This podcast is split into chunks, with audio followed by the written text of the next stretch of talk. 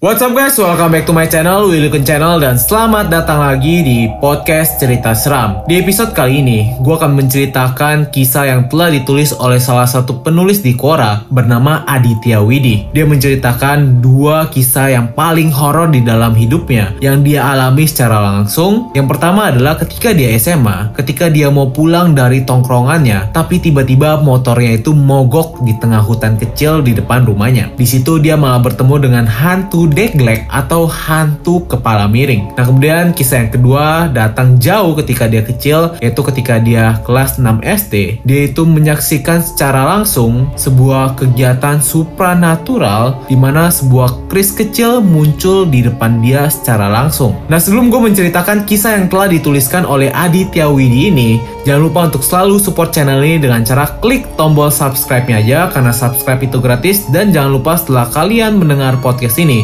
Jangan lupa juga untuk share podcast ini ke teman-teman kalian dan ke keluarga kalian. So langsung aja gue akan menceritakan kisah yang telah dialami oleh Aditya Widi ini. Check it out guys, let's go!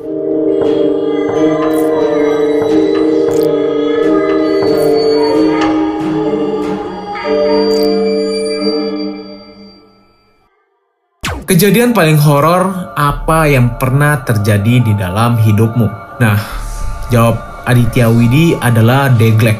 Deglek adalah suatu sebutan yang mungkin asing bagi sebagian besar orang, namun membekas di pikiran saya. Saya sering sekali pulang tengah malam, bahkan dini hari ketika SMA, karena nongkrong hampir setiap hari dengan teman-teman saya pada saat itu. Saya ingat saat itu saya memutuskan pulang sebelum jam 12 malam, karena merasa tidak enak badan. Jarak dari tempat tongkrongan saya ke rumah kurang lebih itu sekitar 2 km dan hanya 10 menit mengendarai dengan sepeda motor. Apesnya, beberapa puluh meter dari gerbang perumahan, ban sepeda motor saya tiba-tiba bocor. Akhirnya, saya menuntun sepeda motor hingga ke rumah. Sebelum memasuki gerbang perumahan, saya sedikit was-was karena di perumahan saya yang merupakan komplek rumah dinas PNS salah satu kementerian. Terdapat hutan kecil, lapangan sepak bola, garasi bus dinas, dan lahan kosong tempat bus yang sudah tidak digunakan lagi.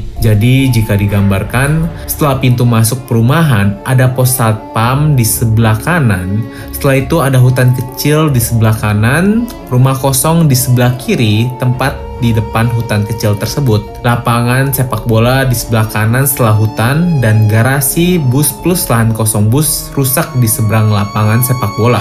Nah setelah itu barulah berderet rumah-rumah warga. Berusaha berpikir positif, saya akhirnya masuk gerbang perumahan dan melewati pos satpam.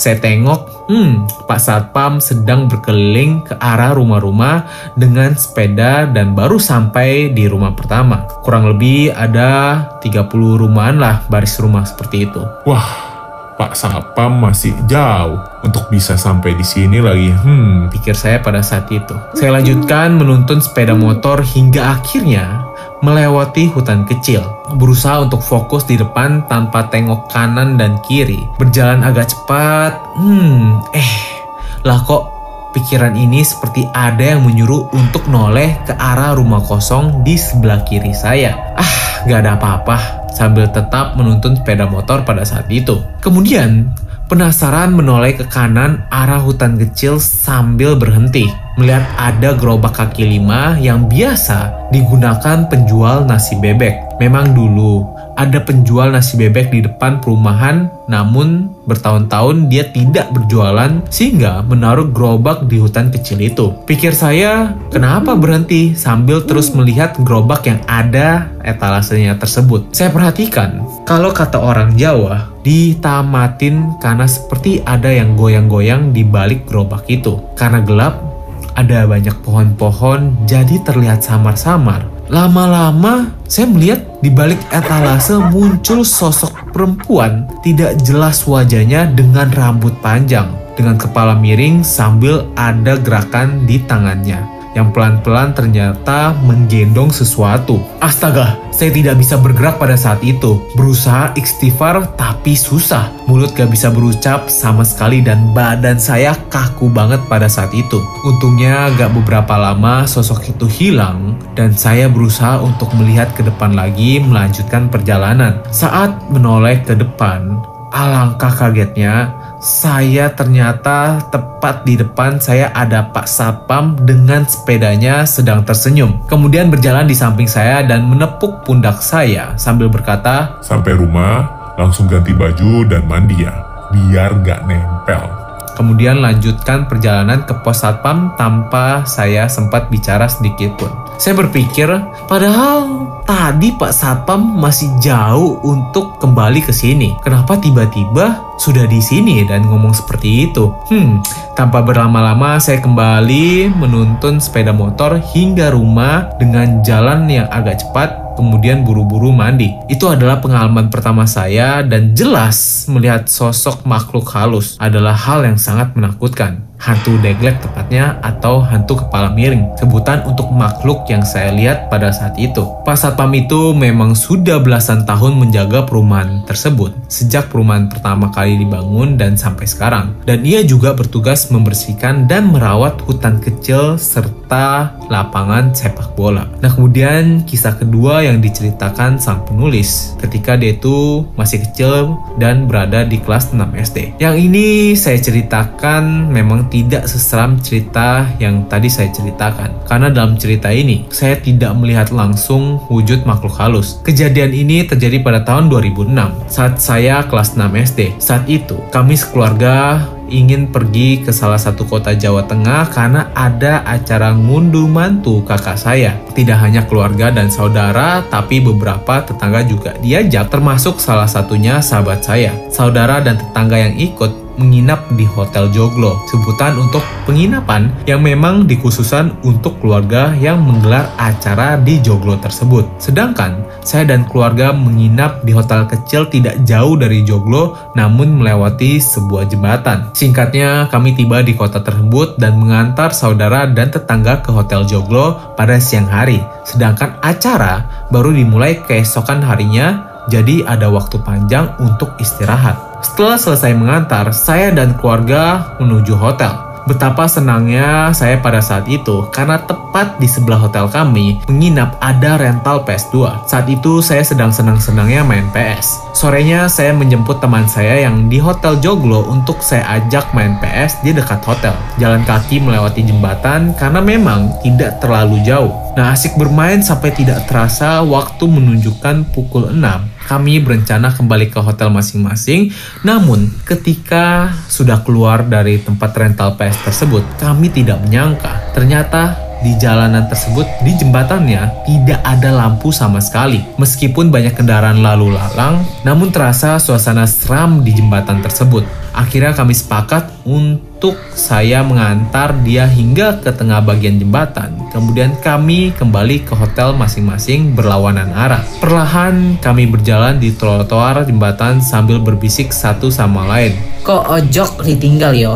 Ngok melayu bareng-bareng yuk les wes nang tengah ojo lali bismillah. Setelah selesai sampai di bagian tengah jembatan, kami berhenti dan bersiap-siap. Saya menghadap berlawanan arah dan kami menghitung.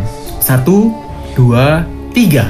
Sejak kami berlari kencang menghadap depan, yang saya pikirkan saat itu hanyalah saya harus segera sampai hotel dan sampai saat ini saya masih ingat ketika berlari saya merinding parah dan rasanya seperti ada tangan besar yang memegang lembut punggung saya seperti rasanya ada yang nempel. Namun alhamdulillah sampai di hotel dengan selamat dan langsung mandi pada saat itu. Nah setelah mandi dan makan bersama, saya ikut nimbrung di kumpulan bapak-bapak saat itu di sebuah meja bundar ada kakak laki-laki saya, dua om saya, dan satu saudara jauh saya yang memang sudah dekat dengan keluarga saya, sebut saja Pak J. Pak J ini dipanggil Kiai karena memang mengetuai sebuah majelis dan sering dipercaya untuk mengisi pengajian. Dalam keluarga kami, dia juga dikenal sebagai paranormal karena terbiasa melakukan rukia dan pengusiran di sebuah tempat. Nah, di tengah obrolan santai, Pak J ini tiba-tiba nyelentuk berkata,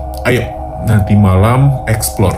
Di kamarmu yaitu kamar kakak saya, ada sesuatu. Kedua om dan kakak saya merasa tertantang dan mengiyakan. Saya yang sebenarnya penakut justru penasaran dan ingin ikut pada saat itu. Sekitar jam 9 sampai 10, kami berlima berkumpul di kamar kakak dan penghuni kamar kakak terpaksa pindah booking kamar lain karena kami sepakat untuk tidur berlima di kamar tersebut malam itu. Explore dimulai, lampu dimatikan dan kami berempat diminta oleh Pak J untuk berdiri berjajar berjauhan jarak 1 meter. Sedangkan Pak J di depan kami, nah setelah itu kami diminta untuk memejamkan mata, baca Al-Fatihah tiga kali dalam hati, kemudian tarik nafas dalam dan keluarkan. Suasana hening, kamar yang tadinya dingin berubah menjadi hangat. Beberapa menit kemudian, Pak J berkata, tetap merem yo.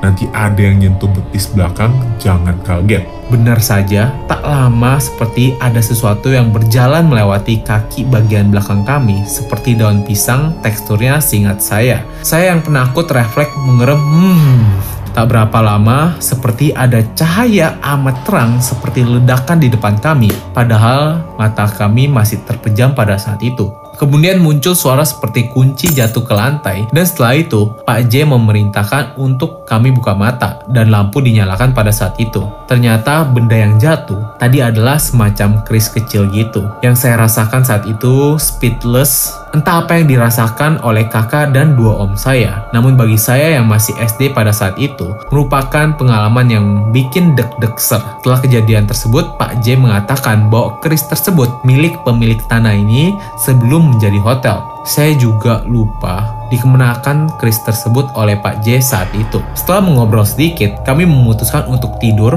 karena besok pagi acaranya akan dimulai. Dan bisa kalian tebak, saya tidak bisa tidur karena lampu dimatikan sedangkan Pak J, kakak dan kedua om saya tidur pula sambil ngorok-ngorok. Betapa tersiksanya saya saat itu, saya tidak bisa tidur sama sekali hingga mendengar suara azan subuh baru bisa tertidur. Nah disclaimer, entah apa yang dilakukan oleh Pak J saat itu, memang berhubungan dengan hal gaib atau tidak, menyimpang dari agama atau tidak. Saya hanya berniat menceritakan pengalaman horor yang saya alami pada saat itu. Dan terima kasih sudah mendengarnya guys. Itulah kisah yang telah disampaikan oleh Aditya Widi di mana pengalaman dia yang dialami ketika SMA dan SD. Pengalaman yang sangat menarik dan sangat bikin bulu kuduk merinding. Nah, buat kalian yang juga punya pengalaman-pengalaman seperti ini dan ingin menceritakannya, kan bisa share pengalaman kalian dengan DM Instagram gue di Willikun. Nanti cerita kalian akan gue bawakan di channel Willikun dan di podcast Cerita Seram agar bisa kita dengar bersama-sama guys. So itu dia konten hari ini guys. Jangan lupa untuk selalu support channel ini dengan cara klik tombol subscribe-nya aja karena subscribe itu gratis dan jangan lupa juga untuk share podcast cerita seram ini kepada teman-teman kalian dan keluarga kalian. So itu dia konten hari ini guys. Thank you guys for watching this video and see you guys di episode berikutnya. Kun sign out.